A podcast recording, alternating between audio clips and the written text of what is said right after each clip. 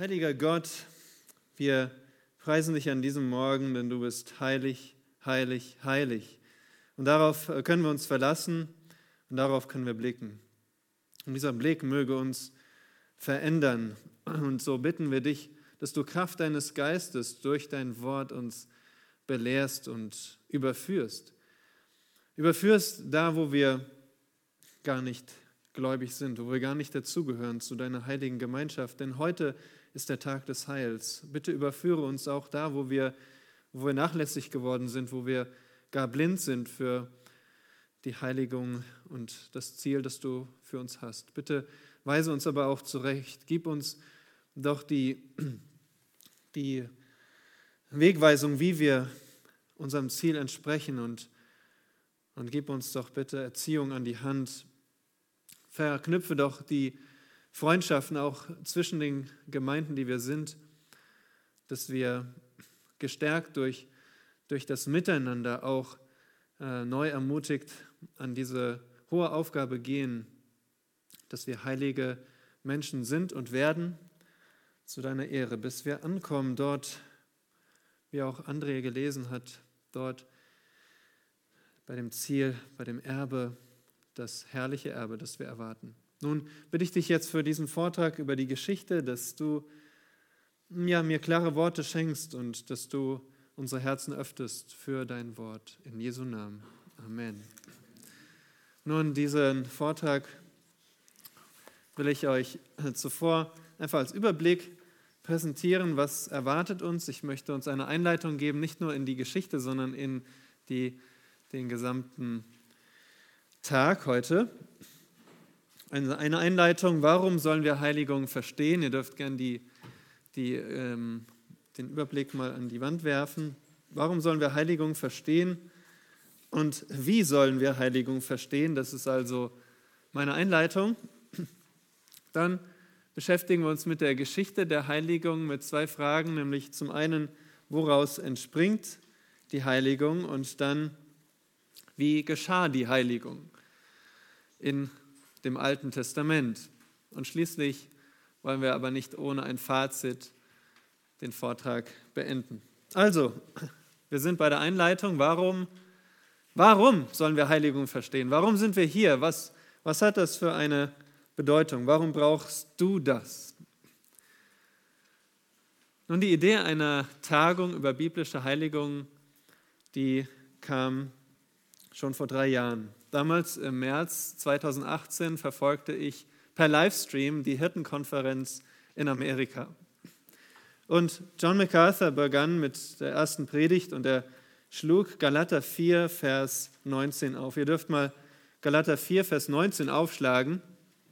Ein kurzer Vers, der das Herz des Apostels Paulus wiedergibt in seinem frühen Brief an die Galater, Menschen, die er selbst, denen er selbst das Evangelium verkündigt hat und die in der Gefahr standen, auf Abwege zu kommen. Oder vielleicht es schon waren. Galater 4, Vers 19, und dort steht, meine Kinder, um die ich noch einmal Geburtswehen leide, bis Christus in euch Gestalt gewinnt. Dieser Vers fasst zusammen, worum es in der Heiligung geht. Das Ziel ist, dass Christus in uns Gestalt gewinnt. Dass wir Christus verkörpern, widerspiegeln, darstellen und verehren. Weitere Aussagen der Predigt von John MacArthur haben mich persönlich sehr getroffen. Er sagte, Zitat, als Kind hörte ich regelmäßig Predigten über die Notwendigkeit von Heiligkeit und Gottseligkeit, Trennung von Sünde und Weltlichkeit. Heute nicht mehr. Die neue Version des Christentums ist entschlossen, die Kultur und die Mode der Welt zu importieren. Und selbst in Gemeinden, in denen man Erwählung, Rechtfertigung und Verherrlichung glaubt, scheint es eine Gleichgültigkeit gegenüber der Heiligung zu geben. Zitat Ende. Nun, wie ist das bei uns? Wir glauben an Erwählung, wir glauben an Rechtfertigung, wir glauben an den Himmel und Verherrlichung. Glauben wir auch an Heiligung? Und ich bin dankbar, dass wir in Gemeinden sind, wo wir das tun. Ihr glaubt an Heiligung, ich weiß das.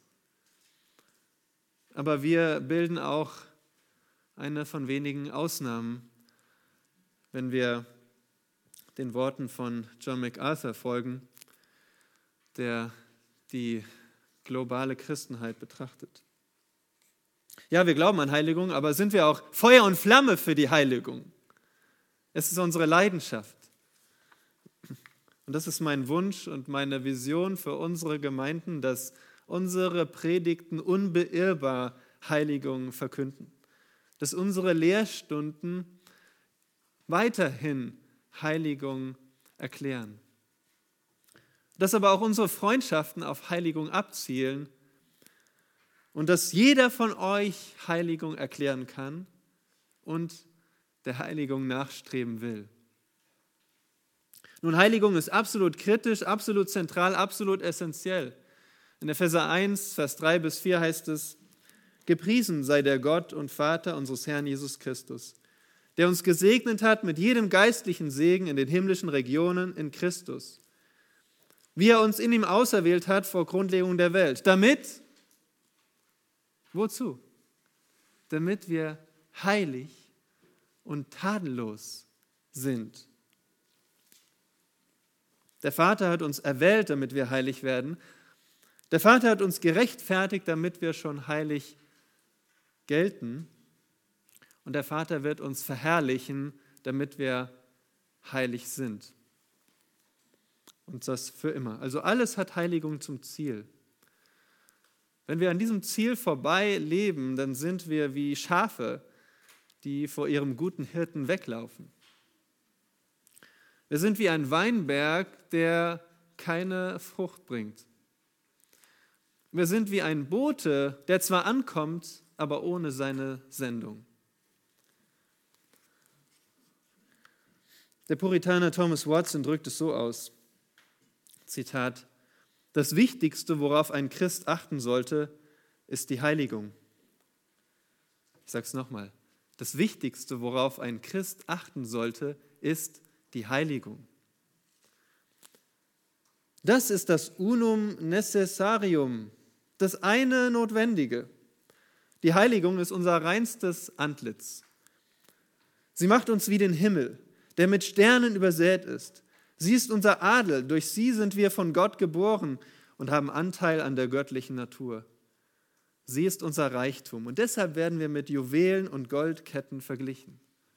Heiligung ist dein und mein Reichtum, dein und meine Schönheit.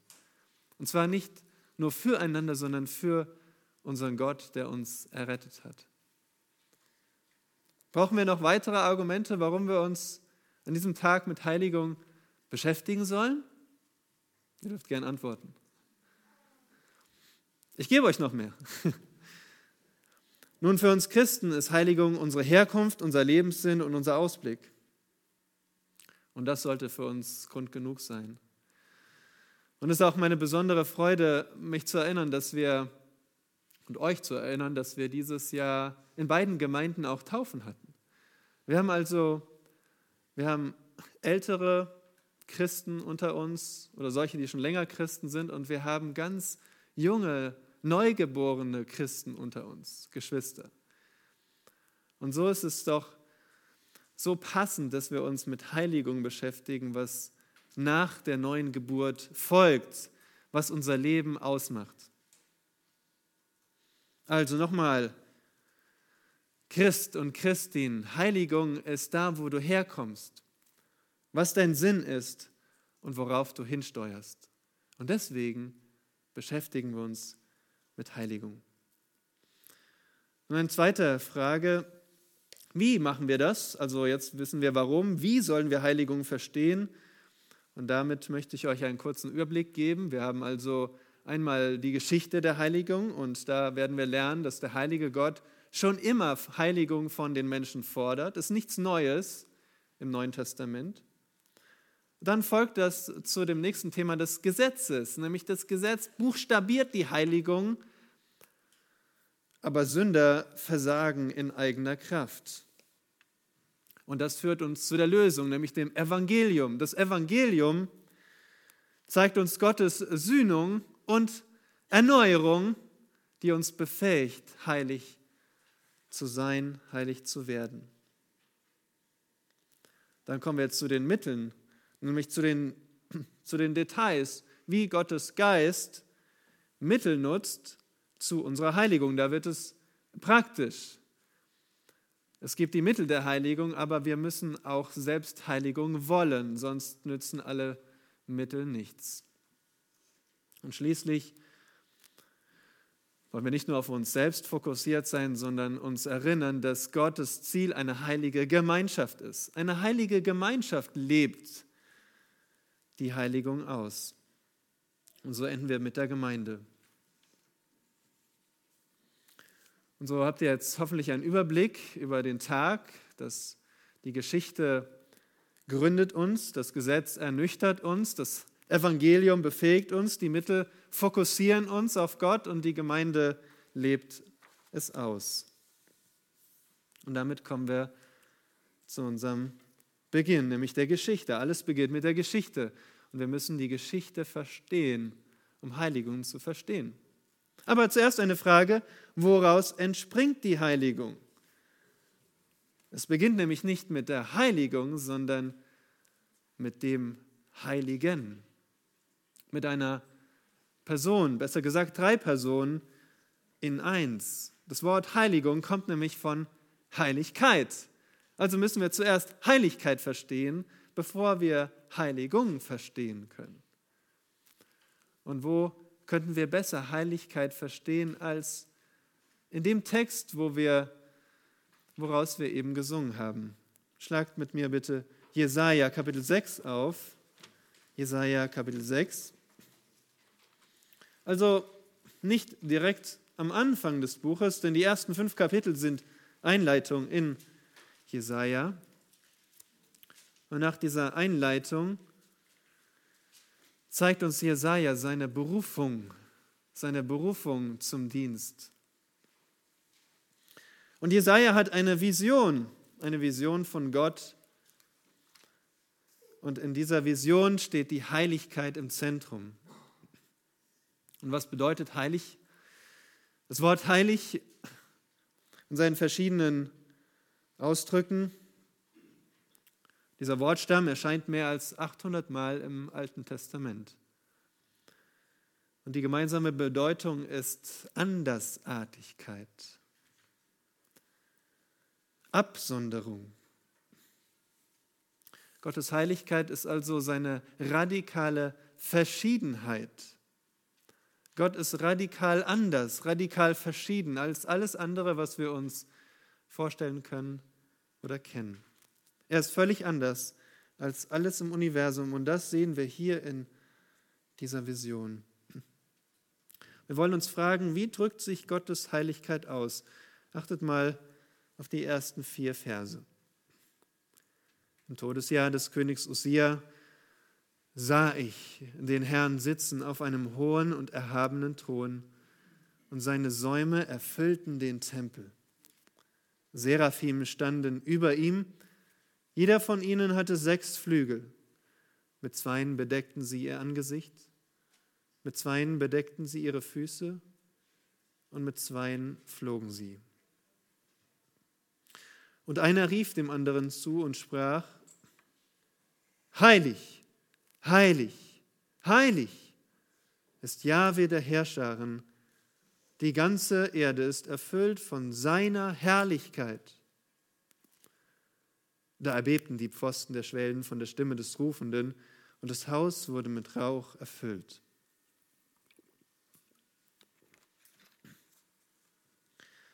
Und hier sehen wir den ersten Ausdruck von Gottes Heiligkeit.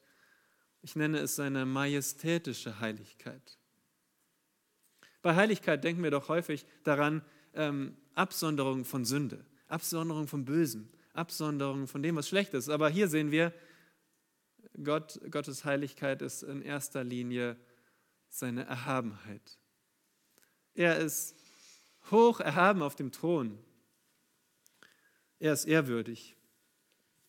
Er ist unvergleichlich unter allem, was existiert. Er ist abgesondert sogar von seinen heiligen Engeln, die sich bedecken. Also zusammengefasst, er ist einzigartig erhaben, einzigartig erhaben.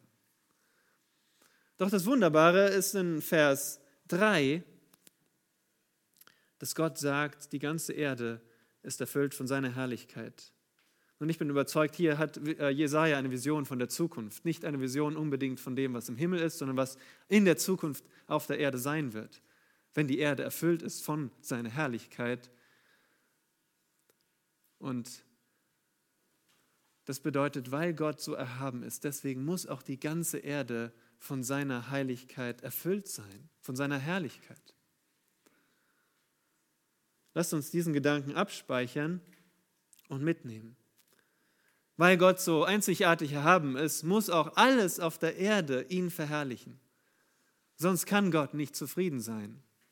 Aber er ist nicht nur einzigartig erhaben, sondern er ist auch moralisch rein. Sehen wir in Versen 5 bis 7. Da sprach ich, Jesaja, wehe mir, ich vergehe. Denn ich bin ein Mann mit unreinen Lippen und wohne unter einem Volk, das unreine Lippen hat. Denn meine Augen haben den König, Jahwe der Herrscharen gesehen. Also Jesaja erkennt im Licht von Gottes Heiligkeit seine eigene Sündhaftigkeit. Er erkennt, er ist, er ist verloren, er ist vergänglich, er hat kein Recht zu leben. Und eigentlich muss Gottes Heiligkeit ihn vernichten, ihn töten. Aber das passiert nicht. Achtet mal auf Vers 6. Da flog einer der Seraphim zu mir und erhielt eine glühende Kohle in seiner Hand, die, der, die er mit der Zange vom Altar genommen hatte. Und er berührte meinen Mund damit und sprach, siehe, dies hat deine Lippen berührt. Deine Schuld ist von dir genommen und deine Sünde gesühnt. Wie wunderbar. Jesaja, so wie sein ganzes Volk, verdient im Licht von Gottes Heiligkeit die gerechte Strafe. Aber die Strafe wird abgewendet. Jesaja überlebt und er wird sogar zum Sprachrohr, zum Botschafter Gottes, zum Diener Gottes. Welch eine Ehre. Und hier sehen wir, dass Gottes Heiligkeit nicht nur eine richtende Heiligkeit ist, sondern auch eine reinigende Heiligkeit. Gottes Heiligkeit ist nicht nur eine Heiligkeit, die tötet, sondern auch transformiert. In Vers 13, ganz am Ende, seht ihr den Ausblick eines heiligen Samens. Seht ihr dieses Wort, heiliger Same? Gott verspricht einen heiligen Samen, also Menschen, die heilig sind. Und das zeigt uns, dass Gottes Heiligkeit verwandelt transformiert. Gott will nicht alle töten, er will verwandeln. Gottes Heiligkeit versöhnt und verändert, anstatt nur zu verurteilen und vernichten. Und deswegen sind wir hier, oder? Sonst würden wir einfach nur unser Todesurteil gemeinsam betrauern. Denn Gottes Heiligkeit bedeutet unsere, unseren Tod wenn Gott uns nicht versöhnt mit sich selbst, wenn Gott uns nicht verwandelt. Und genau deswegen sind wir hier. Und mit dieser Grundlage über Gottes Heiligkeit widmen wir uns jetzt dem spannenden Blick in den Verlauf der Geschichte. Und ich möchte euch einfach einen, ja, einen Einblick darin geben, ein paar ausgewählte Verse, aus diesen insgesamt 800 Versen, die ich überflogen habe. Und wir widmen uns der Frage, wie geschah Heiligung im Alten Testament? Jetzt, wo wir verstanden haben, dass Gott heilig ist, wollen wir Heiligung verstehen. Und Heiligung bedeutet heilig machen. Ganz einfach, oder? Heiligung bedeutet heilig machen. So wie Gott heilig ist. Wir wollen aus der Geschichte verstehen, was Heiligung, heilig machen ist. Und dabei schauen wir uns acht Stationen an, nämlich die Schöpfung, den Sündenfall, den Auszug, den Bund, das Buch Levitikus, die Wüste, Land, die, das Leben im Land, Kanaan und das Exil. Und wir haben viel vor und ich hoffe, ihr habt eure Bibeln dabei und ihr könnt sie mit mir aufschlagen. Und wenn es euch zu schnell geht, dann hört einfach auf das, was ich lese. Ich lese euch den Text vor. Aber bleibt gedanklich dabei. So, bereit? Die Schöpfung. Ihr wisst, wo die Schöpfung beschrieben ist. 1. Mose, Kapitel 2 gehen wir zum ersten Vers. 1. Mose 2, Vers 3. Und wir finden den ersten Vers, in dem das Wort heilig vorkommt. Der erste Vers mit heilig ist der siebte Tag. 1. Mose 2, Vers 3. Und Gott segnete den siebten Tag und heiligte ihn. Denn an ihm ruhte er von seinem ganzen Werk, das Gott schuf, als er es machte. Nun lasst uns darüber nachdenken. Gott heiligte den siebten Tag. Er machte den siebten Tag heilig. Was bedeutet Heiligung? Anders, andersartig, Absonderung. Er sonderte diesen Tag ab als besonderen Tag. Warum den siebten Tag? Wofür steht der siebte Tag? Gott ruhte. Gott hatte seine Schöpfung vollendet. Das heißt, wer steht beim siebten Tag im Mittelpunkt? Gott. Warum heiligte Gott nicht den sechsten Tag, an dem Tiere und Menschen geschaffen wurden? Und das ist, das ist unsere Kultur. Der sechste Tag ist heilig. Der Tag des Menschen. Tiere und Menschen im Zentrum. Nein, Gott sagt, ich heilige den siebten Tag, damit ihr eins versteht, dass alles sich um mich dreht. Wir lernen, wir lernen das erste über Heiligung, nämlich Heiligung ist Gott zentriert. Heiligung ist Gott zentriert. Damit beginnt alles. 1. Mose, Kapitel 2, Vers 16 und 17. Und Gott, der Herr, gebot dem Menschen und sprach, von jedem Baum des Gartens darfst du nach Belieben essen, aber von dem Baum der Erkenntnis des Guten und des Bösen sollst du nicht essen, denn an dem Tag, da du davon isst, musst du gewisslich sterben.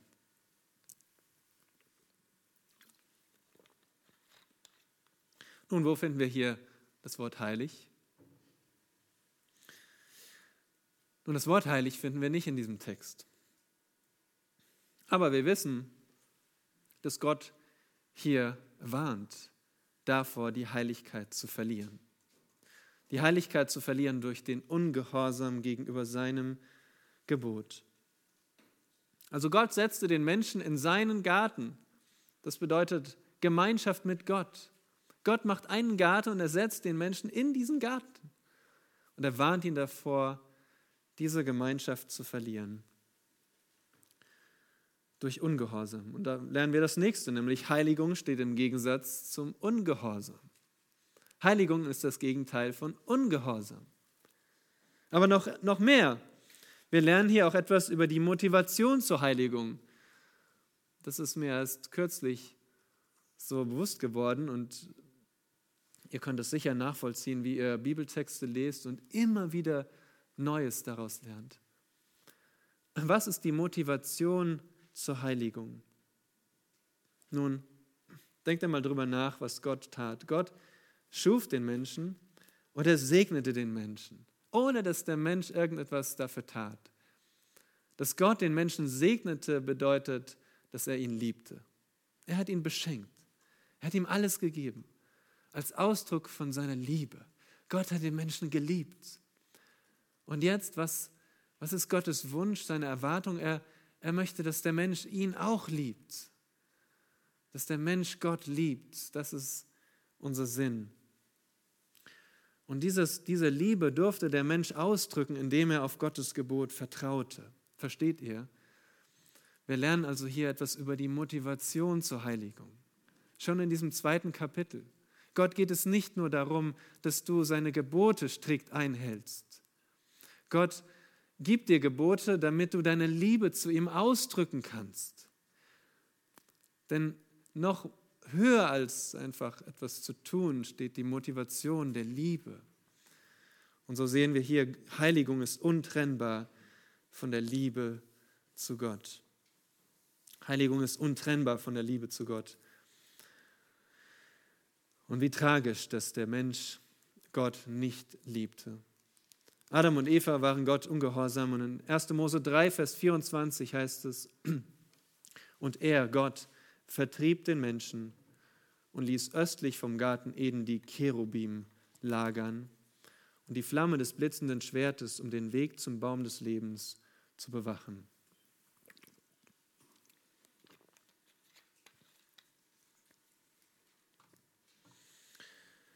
Ohne Heiligkeit muss Gott den Menschen verstoßen. Die Cherubim versperren den Weg und Gott verteidigt seine Heiligkeit mit der Klinge des Schwertes. Wir kommen zum Auszug. Auszug der Israeliten aus Ägypten in 2. Mose 13, Vers 2, ein weiterer Vers, in dem wir das Wort heilig finden.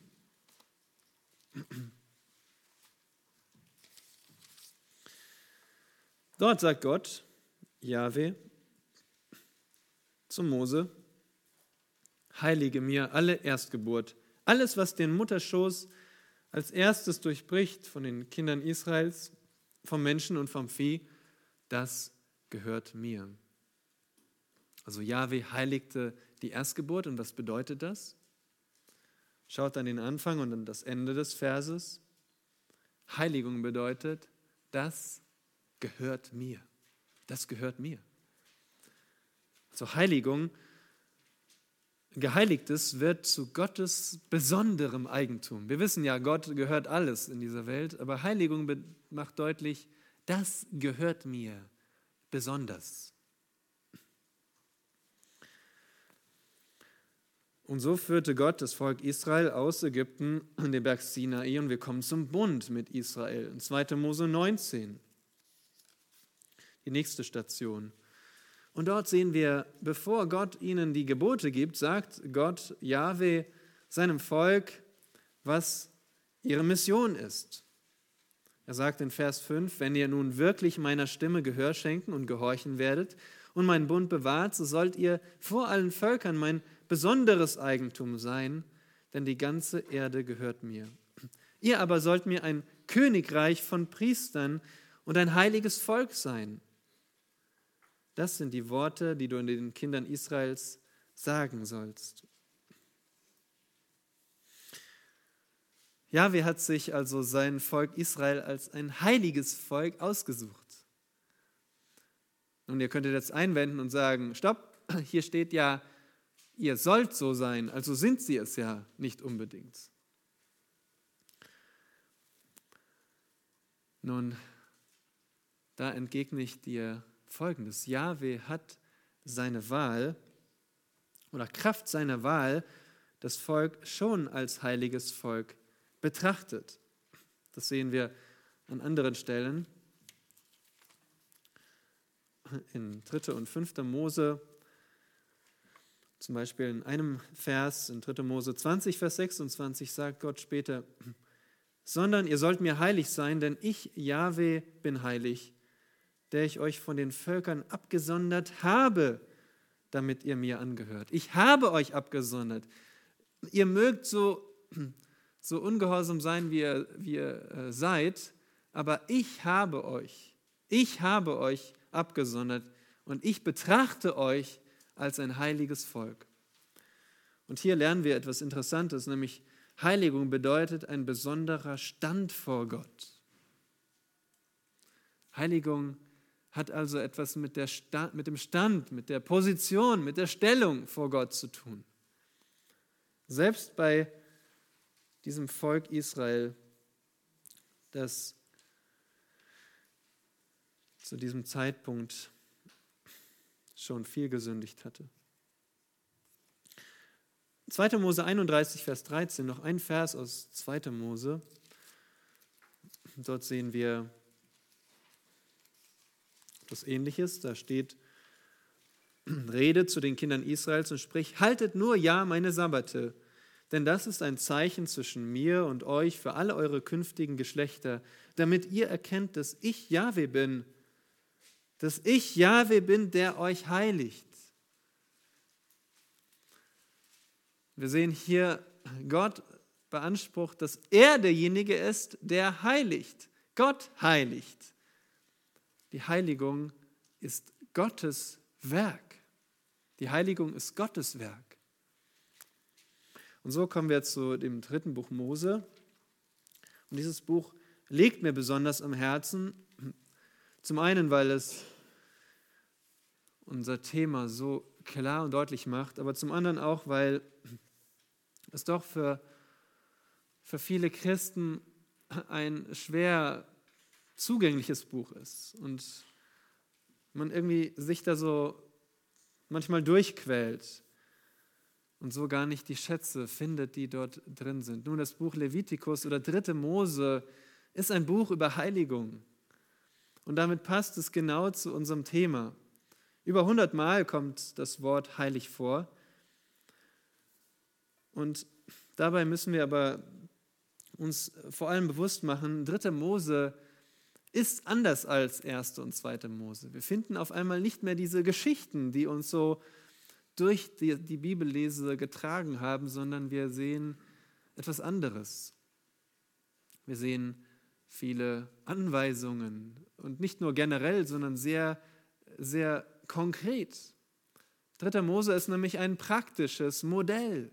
Dritte Mose ist ein konkretes Rezept, ein Grillrezept.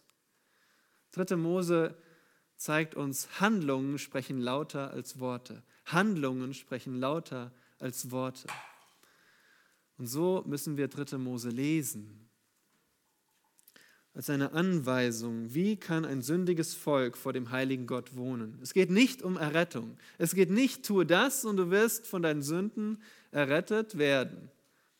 Nein, das Volk Israel war schon erlöst von, von dem drohenden Gericht in Ägypten.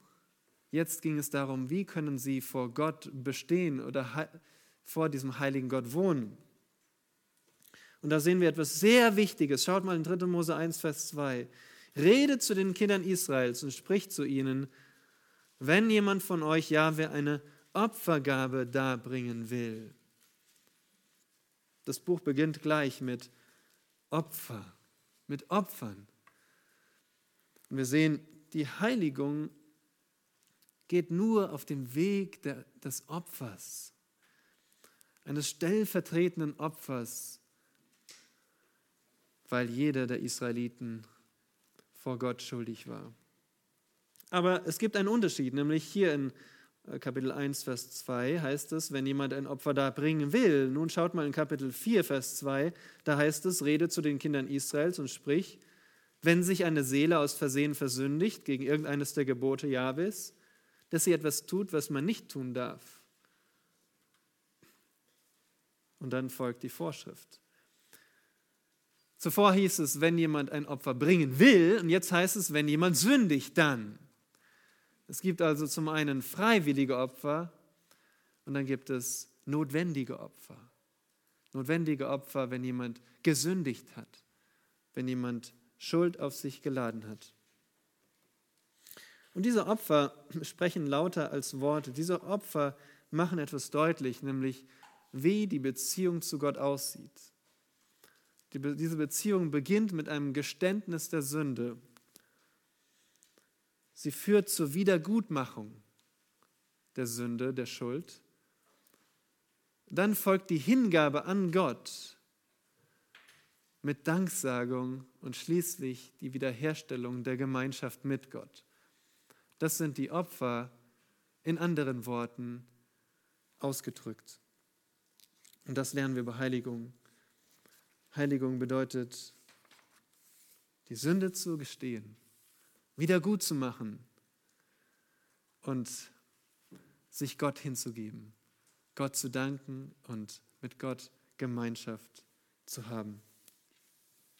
In Kapitel 10, Vers 1 bis 2 lesen wir etwas Furchtbares. Aber die Söhne Aarons, Nadab und Abihu, nahmen jeder seine Räucherpfanne und taten Feuer hinein und legten Räucherwerk darauf und brachten fremdes Feuer dar vor Jahwe, das er ihnen nicht geboten hatte. Da ging Feuer aus von Jahwe und verzehrte sie, sodass sie starben vor Yahweh. Und hier lernen wir, wie diejenigen, die das falsche Opfer bringen, selbst zum Opfer werden. Du bringst das richtige Opfer und das Opfer stirbt. Du bringst das falsche Opfer und du wirst selbst zum Opfer. Eine ernste Angelegenheit. Heiligung geschieht nur auf heiligem Weg. Es braucht das richtige Opfer, um vor Gott heilig zu sein. Ein Schlüsselvers im Buch ist in Kapitel 11, Vers 44. Achtet mal auf Kapitel 11, Vers 44. Denn ich bin Jahwe, euer Gott. Darum sollt ihr euch heiligen und sollt heilig sein, denn ich bin heilig. Und ihr sollt euch nicht verunreinigen mit irgendwelchem Getier, das auf der Erde kriecht. Und das steht am Ende des Kapitels über das, was sie essen sollten und nicht essen durften. Und wir denken, nun, was hat denn das mit Heiligung zu tun, was ich jetzt esse? Ist doch meine Entscheidung. Genau. Das, was man, ess, man isst, ist die eigene Entscheidung. Und hier zeigt Gott etwas Wichtiges, nämlich nicht nur geht es darum, nicht gegen Gott zu sündigen, sondern das ganze Leben gehört Gott. Und mit diesen Speisegeboten und anderen Geboten über Reinheit zeigte Gott ihnen, jeder Lebensbereich gehört mir. Ob es die Geburt ist, ob es der Speiseplan ist, ob es die Krankheit ist und der Umgang damit, ob es die Sauberkeit ist, ob es die Intimität in der Ehe ist und ob es das Sterben ist. Alles gehört mir. Heiligung umfasst jeden Lebensbereich. Und dabei hat Heiligung Gott zum Vorbild, denn Gott sagt ja, ihr sollt heilig sein, wie ich heilig bin. Keiner von uns äh, kann jetzt seine eigene Definition von Heiligung formulieren. Nein, Heiligung ist auf Gott fokussiert und von ihm lernen wir, was heilig ist. Und er hat allein das Recht, uns zu sagen, was heilig ist. Und so kommen wir zu Kapitel 19, ein zentrales Kapitel in diesem Buch. In 19, Vers 2 sehen wir diesen Befehl noch einmal. Ihr sollt heilig sein, denn ich bin heilig. Jahwe, euer Gott. Du sollst heilig sein. Was ist das für eine Art Ausdruck? Was ist das für eine Art Sprache? Ein Befehl. Das heißt, äh, hier komplettiert sich das Bild. Heiligung ist nicht nur, hat nicht nur mit der Position zu tun, sondern auch mit dem Prozess. Ihr sollt heilig sein. Ihr sollt etwas tun. Heiligung ist Position und Prozess. Und dieser Prozess umfasst nicht nur Handlungen, tu das, tu dieses, dieses, tu das nicht. Nein, es hat auch mit deinem Herzen zu tun. Es umfasst den ganzen Menschen. Das sehen wir in Kapitel 19, denn dort werden verschiedenste Lebensbereiche angesprochen. Ich zähle sie euch mal auf. Dieses Kapitel mischt zusammen Heiligung in der Anbetung, in der Familie, in der Erziehung, in Opfern, in Landwirtschaft, in Geschäft, Gerichtsprozesse, Viehzucht, Sklaven, Obstanbau, Heiligung in Küche, im Haarschnitt, in der Körperbehandlung, also Tätowierung, Heiligung im Wochenrhythmus, in der sexuellen Reinheit, in der Respekt vor Älteren, in der Freundlichkeit zu Ausländern und in einer ehrlichen Arbeitsmoral. All das ist Heiligung. Und damit lernen wir, Heiligung umfasst den ganzen Menschen. Und noch etwas, schaut einmal auf Vers 18. 3. Mose 19, Vers 18. Du sollst nicht Rache üben, noch Groll behalten gegen die Kinder deines Volkes, sondern du sollst deinen Nächsten lieben wie dich selbst. Ich bin Yahweh. Der Vers, den der Herr Jesus zitiert als eins der höchsten Gebote. Du sollst deinen Nächsten lieben wie dich selbst. Und wir sehen hier zwei Seiten. Du sollst nicht Rache üben und du sollst deinen Nächsten lieben wie dich selbst. Heiligung ist Absonderung von Sünde. Du sollst nicht hassen. Okay, aber das ist nicht genug. Du sollst deinen Nächsten lieben wie dich selbst. Heiligung ist nicht nur ich halte mich von Sünde fern. Heiligung ist genauso, das neue Leben muss wachsen. Das neue Leben muss wachsen. Ein neues Leben. Nun schließlich kommen wir noch zu Kapitel 23, verschiedenen Festen. Heiligung umfasst auch den Kalender. Heiligung ist auch menschliche Bemühung. Denn hier heißt es, dass die Israeliten in Vers 2 heilige Festversammlungen einberufen sollten. Genauso wie wir diese Tagung einberufen haben. Und ihr alle wisst, dass das nicht von selbst geht. Da steckt Mühe dahinter. Da steckt, Organisation dahinter. Und an dieser Stelle sind wir auch dankbar für jeden, der sich hier eingebracht hat. Organisation bedeutet Mühe. Und so sehen wir hier, Heiligung ist auch eine menschliche Bemühung. Heiligung besteht auch in heiligen Gewohnheiten, denn diese Feste sollten ja immer wieder gefeiert werden und genauso gab es auch andere Dinge. Ja, die Israeliten sollten einfach Gewohnheiten erlernen. Wie gehe ich mit Sünde um? Ich, ich mache es genauso, wie es hier steht. Wenn ich sündige, dann bringe ich das Opfer da, dann äh, bekenne ich meine Schuld damit, dann gebe ich mich wieder neu Gott hin mit dem Brandopfer. Seht ihr, also Heiligung ist nicht, ich muss mir jedes Mal was Neues überlegen, sondern ich komme in heilige Gewohnheiten rein. Heilige Gewohnheiten bestimmen mein Leben.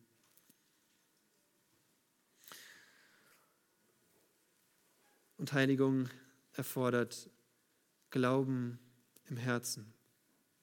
Es erforderte Glauben, ein unschuldiges Tier zu opfern, seine Essenswahl einzuschränken, neue Hygienevorschriften zu beachten. Das Herz drückt sich aus, wenn jemand Opfer bringen will, wenn jemand seine Sünde erkennt und bekennen will, wenn jemand seinen Nächsten nicht hasst, sondern ihn liebt. Nun, ich muss mich loseisen. Wir kommen zur Wüste und jetzt geht es noch in kurzen Schritten bis zum Exil. In der Wüste in 4. Mose Kapitel 15 sehen wir, nachdem das Volk sich geweigert hat, in das Land einzuziehen, sehen wir Gottes Wunsch, Gottes Gebot an das Volk über Mose, sondern dass ihr an alle meine Gebote gedenkt und sie tut und eurem Gott heilig seid. Also wie werden sie heilig? Wie heiligen sie sich? indem sie seine Gebote beachten. Nun genau eine Seite weiter oder ein paar Verse weiter sehen wir die Empörung, die Rotte Koras, die sich gegen Mose und Aaron versammelt in Vers 3, Kapitel 16 und sagt, ihr beansprucht zu viel, denn die ganze Gemeinde, sie alle sind heilig. Und Jahwe ist in ihrer Mitte. Warum erhebt ihr euch über die Gemeinde Jahwes? Sie nehmen also sogar das Argument der Heiligung und sagen, wir sind doch ein heiliges Volk. Warum sind die jetzt höher als wir?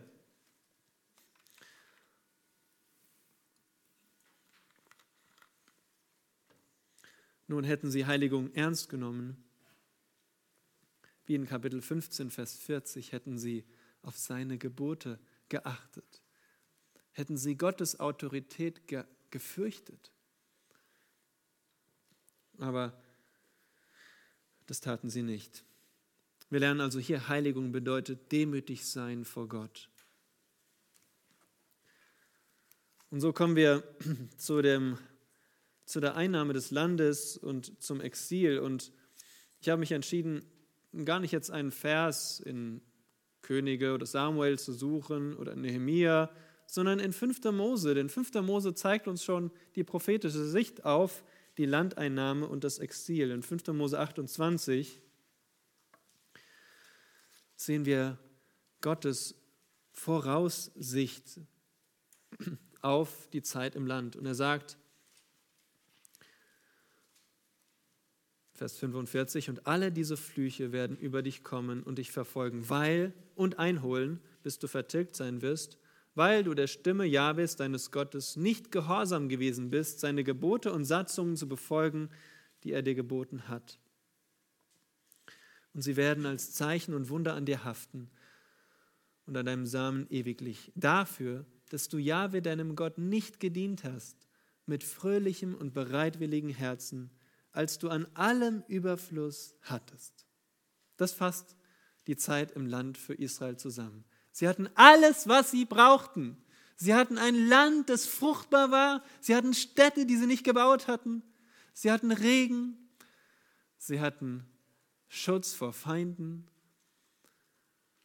Und sie haben sich in ihrem Herzen nicht über Gott gefreut. Sie haben Gott nicht bereitwillig gedient. Sie haben ihn nicht geliebt. Sie haben sich nicht von den Götzen abgesondert und so sind all diese Flüche auf sie gekommen und das zu Recht.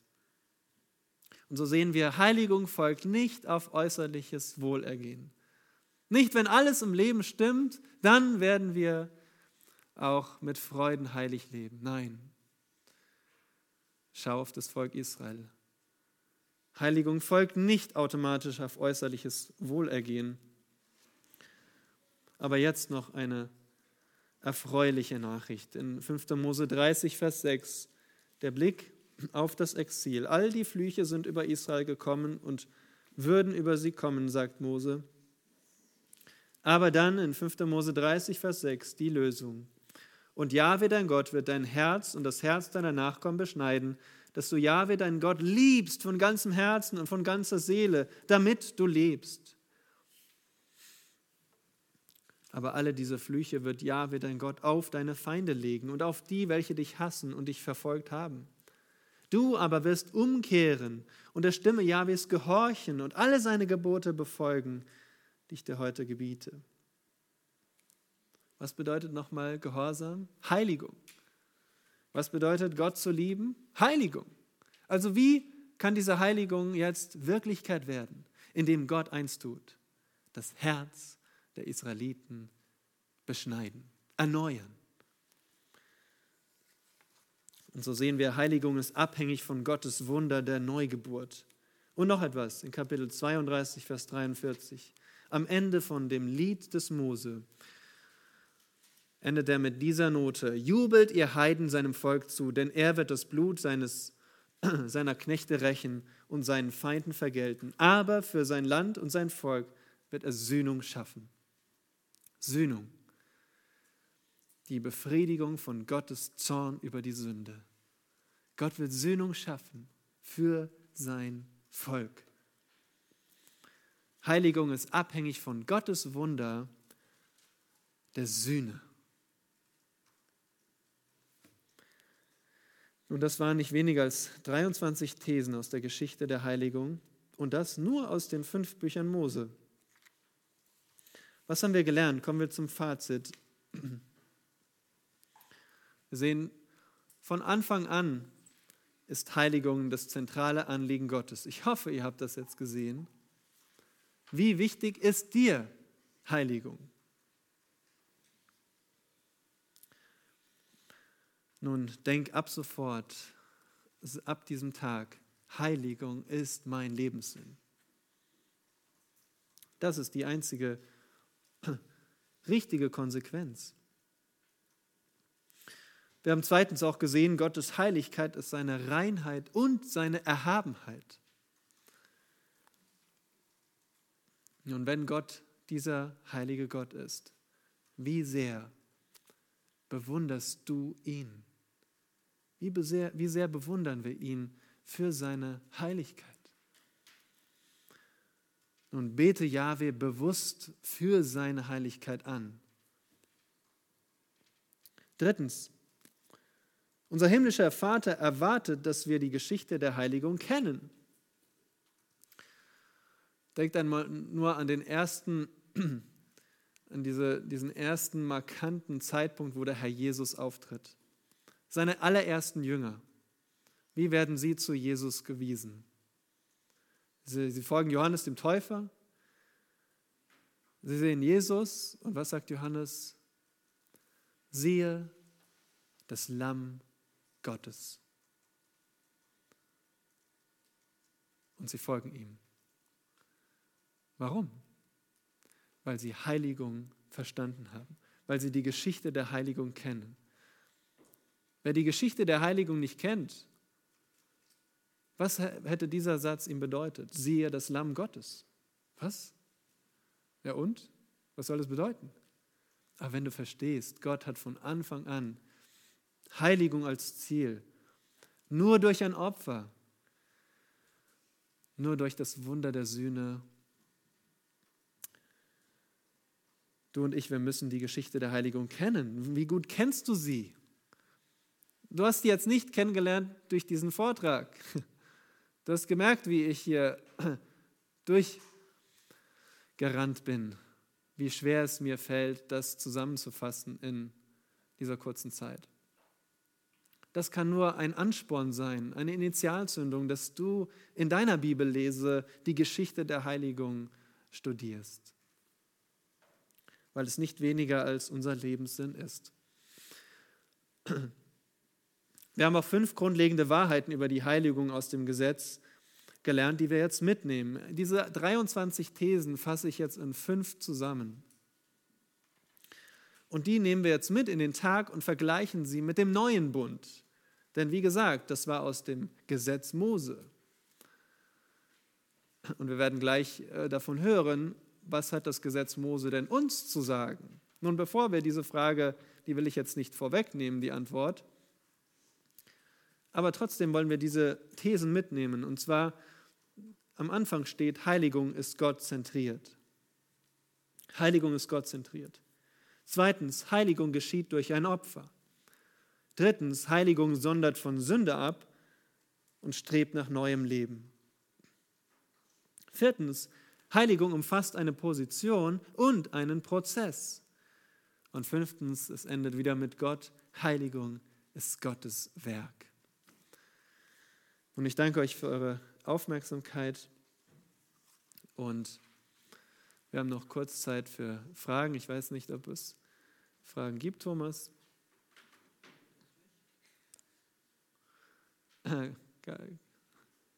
Ah, Pascal.